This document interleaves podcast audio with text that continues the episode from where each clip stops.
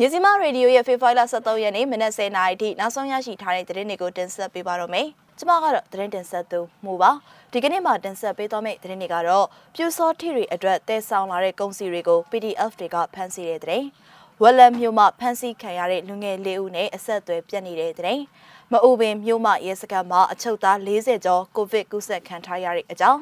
စစ်ကောင်စီလွှတ်ပေးတဲ့အထက်မှာနိုင်ငံရေးအကျဉ်းသားတွေမပါတဲ့အကြောင်းအဆရှိတဲ့သတင်းတွေကိုတင်ဆက်ပေးသွားမှာပါ။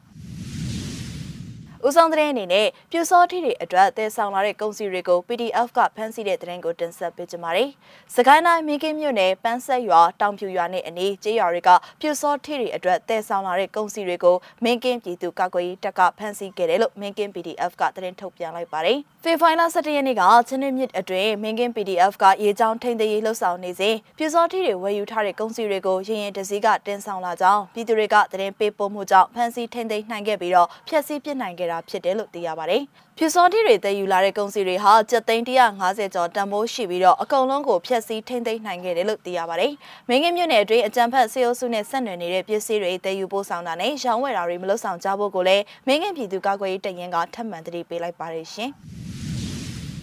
ဆက်လက်ပြီး ဝလမျိုးမှဖမ်းဆီးခံထားရတဲ့လူငယ်လေးဦးနဲ့အဆက်အသွယ်ပြတ်နေတဲ့သတင်းကိုတင်ဆက်ပေးကြပါမယ်။စကိုင်းတိုင်းဝလမျိုးမှာဖမ်းဆီးခံရတဲ့အသက်မပြည့်သေးတဲ့လူငယ်လေးဦးနဲ့ပတ်သက်ပြီး၁၂ရက်ကြာတဲ့အထိအဆက်အသွယ်မရရှိသေးတာကြောင့်မိသားစုဝင်တွေကသူတို့ရဲ့အသက်အန္တရာယ်အတွက်စိုးရိမ်နေရကြောင်းသိရပါတယ်။ အဲဒီလူငယ်တွေကို PDF တင်တန်းတက်ရောက်ထားကြသူတွေဆိုတဲ့ဆွဆွဲချက်နဲ့စစ်ကောင်စီတပ်ကဖမ်းဆီးခြင်းဖြစ်ကြောင်းသတင်းတွေထွက်ပေါ်နေပေမဲ့လည်းအဲဒီလူငယ်တွေဟာအေးအေးဆေးဆေးနေထိုင်ကြသူတွေသာဖြစ်ကြောင်းဝက်လက်မြို့ကန်တွေကပြောပါတယ်။ဖမ်းဆီးခံရသူတွေမှာအသက်15 16 18နှစ်အရွယ်မောင်အောင်နိုင်မျိုးမောင်အောင်လင်းထက်မောင်ထွန်းအောင်ကျော်နဲ့မောင်ကျော်မျိုးအောင်တို့ဖြစ်ပြီးတော့ကျော်မျိုးအောင်ဟာတင်ငန်းစီနေတဲ့တာမဏီတပားဆိုပြီးသိရပါတယ်။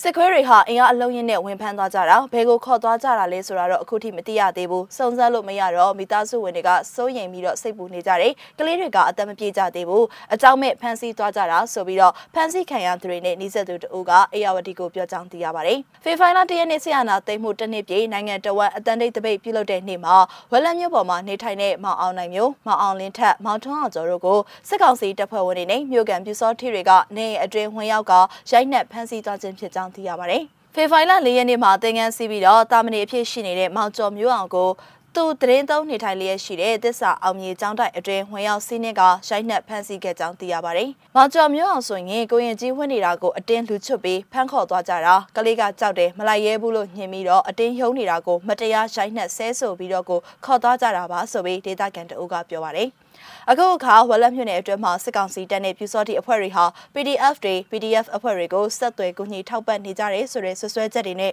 လူငယ်တွေကိုဖမ်းဆီးနေသလိုဝက်လက်မြို့ပေါ်ဈေးလာဝယ်ကြသူတွေကိုလည်းစစ်ဆေးဖမ်းဆီးငွေတောင်းခြင်းတွေပြုလုပ်နေကြောင်းဒေသခံတွေကပြောပါတယ်ရှင်။ဆက်လက်ပြီး မုံပင်မြို့မရဲစခန်းမှာအထုပ်သား40ကျော်ကိုဗစ်ကူးစက်ခံထားရတဲ့တဲ့တင်ကိုတင်ဆက်ပေးကြပါမယ်။အေယာဝတီတိုင်းမအူပင်မြို့နယ်မြို့မရဲစခန်းအထုပ်အတွင်းမှာအထုပ်သား40ကျော်ကိုဗစ်ကူးစက်ခံထားရတယ်လို့ဒေတာရင်းသတင်းရင်းမြစ်တွေကပြောပါတယ်။မနေ့ကစစ်တာလို့ကြားတယ်ဖျားနေလို့မတင်ငါလို့စစ်တာနဲ့အကုန်လုံးနေနေကိုဗစ်ကူးစက်ခံထားရတာကိုသိရတာအမျိုးသား33ဦးအမျိုးသမီး9ဦးမှာကိုဗစ်တွေ့တယ်လို့ကျန်းမာရေးဝန်ထမ်းတွေကပြောတယ်။ကျန်းမာရေးတွေကတော့ပိုးတွေ့တဲ့အထုပ်သားတွေကိုခွဲပြီးတော့မတွေ့သေးတဲ့သူတွေကိုလည်းနောက်ရက်ကျရင်ထပ်စစ်ဖို့လုပ်ဖို့ညှိနှိုင်းထားတယ်ကြားတယ်ဆိုပြီးပရဟိတအဖွဲ့တစ်ခုကအဖွဲ့ဝင်တအုပ်ကပြောပါတယ်။မအူပင်မြို့မြို့မရဲစခန်းအချုပ်ခန်းအတွင်းမှာအချုပ်သား60ကျော်ခန့်ရှိပြီးတော့စေအုပ်စုကနိုင်ငံရေးအရာမတရားဖမ်းဆီးထားသူတွေအများဆုံးရှိနေရလို့သိရပါတယ်။ AR တိုင်းအတွင်းမှာကိုဗစ်ကူးစက်ခံရသူတွေဟာနေ့စဉ်မြင့်တက်နေပြီးတော့ပသိမ်စေးရုံကြီးကဝန်ထမ်း40နီးပါးပါကိုဗစ်ကူးစက်ခံထားရတယ်လို့သိရပါတယ်ရှင်။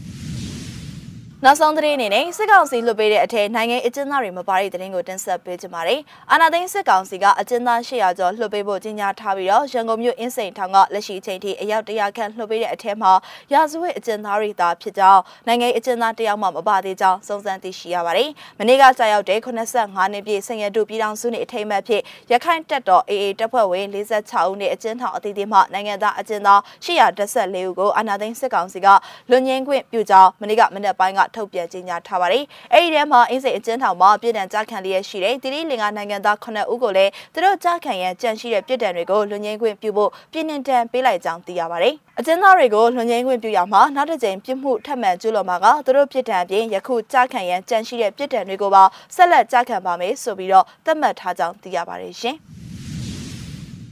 မြစီမရေဒီယိုရဲ့ဖေဖော်ဝါရီလ23ရက်နေ့မနက်10:00နာရီထိနောက်ဆုံးရရှိထားတဲ့သတင်းတွေကိုတင်ဆက်ပေးခဲ့တာပါ။နားဆင်ပေးခဲ့တဲ့အတွက်ကျေးဇူးတင်ပါတယ်ရှင်။